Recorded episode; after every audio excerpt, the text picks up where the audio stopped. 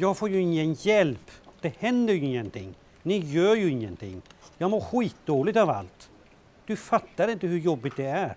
Jag försöker ju hjälpa dig. Jag gör så gott jag kan.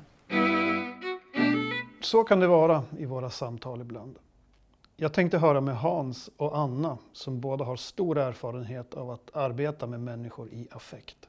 Hans är psykolog på AF Rehab och Anna är utbildningsledare inom samtalsmetodik.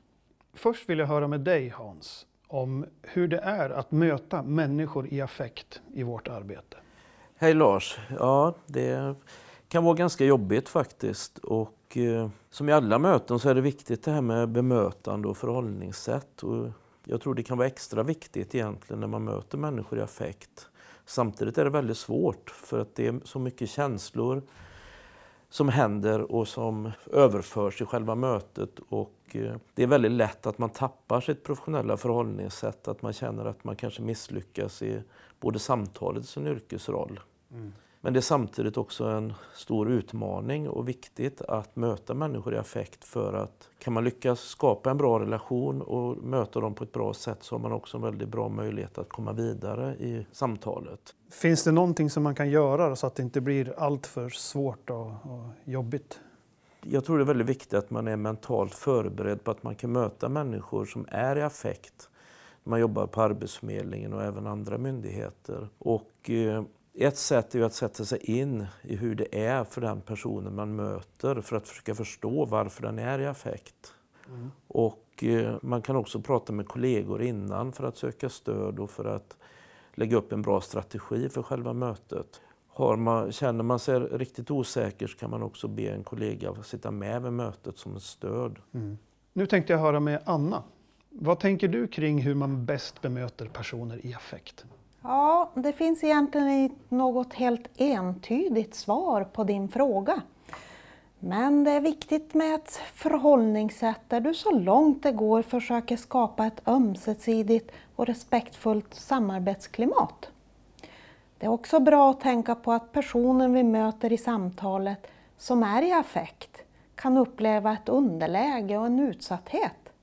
Vår kundgrupp arbetssökande till exempel de kan uppleva att i förhållandet mellan oss som myndighet att de är i underläge och det i sig kan trigga olika slags affekt. Mm. I själva bemötandet, är det någonting speciellt du tänker på där? Mm. Att hålla sig lugn, att lyssna, visa respekt och omtanke är alltid bra. Att försöka förstå personen, vad den är upprörd för. Ibland finns negativa föreställningar eller erfarenheter hos personen som kan skapa frustration och mycket känslor. En känsla av utsatthet till exempel och att känna sig ifrågasatt kan hanteras genom strategin att anfall är bästa försvar. Mm. Och då är det extra viktigt att vara tydlig med varför vi träffas och vilka förutsättningar vi har för att komma vidare. Sen kan uppgivenhet och maktlöshet hos personen ta sig uttryck i förtvivlan och göra att du känner för stort ansvar för individen. Just det. Men vad kan jag liksom specifikt göra för att den här personen ska bli lugnare så att vi kan prata vidare? Mm. Ja, det finns olika samtalsfärdigheter som kan vara till hjälp. Till exempel så kan det handla om ett aktivt och ett medvetet lyssnande ett medvetet kroppsspråk och till exempel spegling. Och det här är ju någonting som man kan ta reda på mer om och framförallt träna sig på. När det gäller själva förhållningssättet i mötet med en person så handlar det om att bekräfta personens upplevelse på ett lugnt, empatiskt och balanserat sätt. Och hur gör man det bäst? Det handlar om att inte vara avvisande samtidigt inte gå till överdrift i sin förståelse för den andres situation. Empati, respekt, tydlighet och i det vara sig själv och behålla sin professionalitet. Då blir du mer trovärdig och skapar förtroende. Okej. I början där säger du någonting om att man inte ska gå till överdrift i sin förståelse. Vad betyder det? Mm. Jag tänker så här att jag vet inte hur det är för dig Lars, men ofta så är det ju så att vi använder oss av att säga till exempel att ja, jag förstår vad du menar för att visa att vi någonstans lyssnar in personen. Men när vi säger att jag förstår hur du menar eller jag förstår hur du känner så för personen som får höra det så betyder det ingenting. Tvärtom så kan det vara förminskande därför att vi kan aldrig förstå dens precisa situation och dens känslor. Okej. Så vad, vad bör man tänka på för att komma vidare? Ja, det är viktigt att möta personen där den är. Alltså med de föreställningar, rädslor och problem som kan finnas. Vad än orsaken till känslorna är, så är det viktigt att de tydliggörs. Både för att komma vidare, men även för att kunna hänvisa till rätt hjälp. Allt det här som du har berättat nu, det här förhållningssättet, hur påverkar det den här personens vidare kontakt med oss på Arbetsförmedlingen? Någonstans handlar det om att kan vi visa att vi ser personerna eller den faktiska personen som är i affekt och som är upprörd och är beredd att lyssna på den. Lyssna på varför personen känner så, så har man skapat förutsättningar för ett konstruktivt samtal och en tillitsfull relation. Där man sen kan fokusera på att hjälpa personen utifrån vårt uppdrag, alltså utifrån Arbetsförmedlingens uppdrag. Och i ett större perspektiv så ökar det även förtroendet för myndigheten och samhället. Just det. Ibland känns det som att vi inte kommer vidare utan personen som jag har framför mig sitter bara där och pratar om samma saker. Om jag vänder mig till dig Hans, hur gör jag för att föra samtalet vidare? Ja, dels så tycker jag det är viktigt att man har alltid fokus på vad, vad det är, vart man vill nå med samtalet och vad som är syftet med samtalet. Att man inte tappar det. Och har man då gett personen möjlighet att prata om det som är svårt och det som orsakar personens affekt men man inte kommer vidare så är det viktigt att bryta och att man gör det på ett empatiskt och positivt sätt. Och det kan till exempel vara att man för tillbaks frågor till personen så att om personen till exempel upplever som ett offer för situationen så är det viktigt att man kan ställa frågor som till exempel hur vill du att det ska vara och vad behöver du för att nå dit? Att man liksom lägger tillbaks ansvaret till personen istället för att den själv lägger ansvaret på oss som myndighet.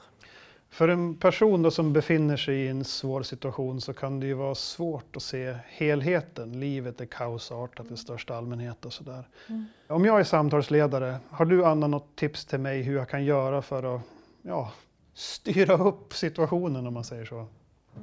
Någonstans är det viktigt att du då försöker hjälpa till att skapa en struktur i det kaos som personen upplever så att situationen blir mer begriplig och hanterbar. Det kan handla om att du dels sätter ramar för samtalet genom att berätta om varför ni träffas, alltså syftet med samtalet, vad det är ni ska prata om och hur lång tid det kommer att ta. Sen handlar det också om att du hjälper personen att på ett strukturerat sätt berätta om sin situation. För ibland kan det vara svårt att skapa en överblick över sin situation. Okej, och när du säger att de ska berätta strukturerat, Mm. vad är det du menar med det där strukturerade berättandet? Ja, en person som är upprörd eller ledsen eller arg kan ha lite svårt att prata om sin situation. Den kan till exempel blanda både vad den skulle vilja med vad det är som händer här och nu som skapar de här känslorna. Och då kan ett sätt som samtalsledare vara att du säger Okej, ska vi börja med att prata om varför du känner så här och sen gå vidare till att prata om vad du skulle önska. Just det. Mm. Vi kan också hjälpa till ytterligare genom att visualisera strukturen. Genom att rita eller skriva. Det i sin tur kan hjälpa personen att se hur saker hänger ihop, vem som har ansvar för vad. Och att få en struktur i ett verkligt eller i ett upplevt kaos ger både känsla av sammanhang och en möjlighet att se hur man kan påverka sin situation.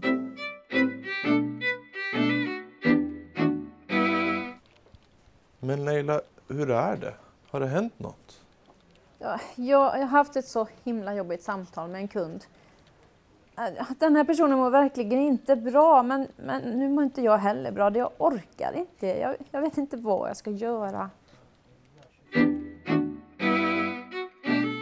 Du Hans, har du något tips till mig som samtalsledare hur jag kan göra för att hantera mina egna känslor under samtalet och efter samtalet? Mm. Jag tror det är bra att man börjar redan innan och att man är ganska förberedd på samtalet om man har möjlighet att vara det. Att man har en bra strategi. Att man till exempel har pratat med kollegor innan och försökt att hitta ett bra sätt att hantera situationen. Och att man känner att man kan också ta, ha kontroll i situationen, att man inte lämnar över kontrollen utan att man känner att här är det, här är det ändå jag som, som ska styra samtalet. Men också att man kan stå ut med de negativa känslor som väcks, att man inte behöver liksom agera eller göra någonting utan att man står ut med det under tiden och så försöker man ventilera och reflektera efteråt. Och kanske också söka avlastning och stöd hos sina kollegor. Ibland kan det till och med behövas att man, att man pratar med chefen om det är så att man blir kraftigt ifrågasatt eller att de beslut man tar inte accepteras. Är det så att, att det här blir väldigt påfrestande för en så det kan ju vara så att man har flera sådana här samtal och, och man känner att man inte riktigt behärskar det. Då kan också företagshälsovården vara ett sätt att bearbeta och hitta bra strategier. Just det. Om jag skulle summera och sammanfatta det i ja, några punkter, då skulle jag summera det så här. Affekt, det är någonting som ofta beror på att man känner sig utsatt, maktlös eller en frustration. Jag kommer även ihåg att du pratade om att man ska sitta lugnt i båten när det stormar. Man ska ta kontroll över situationen, förbereda sig. Man ska försöka vara lugn, empatisk och tydlig. Plus att det är viktigt att komma ihåg att förtroendet byggs i mötet med de här människorna, de här kunderna och det är viktigt för eh, Arbetsförmedlingens förtroende som myndighet. Mm. Tack för det.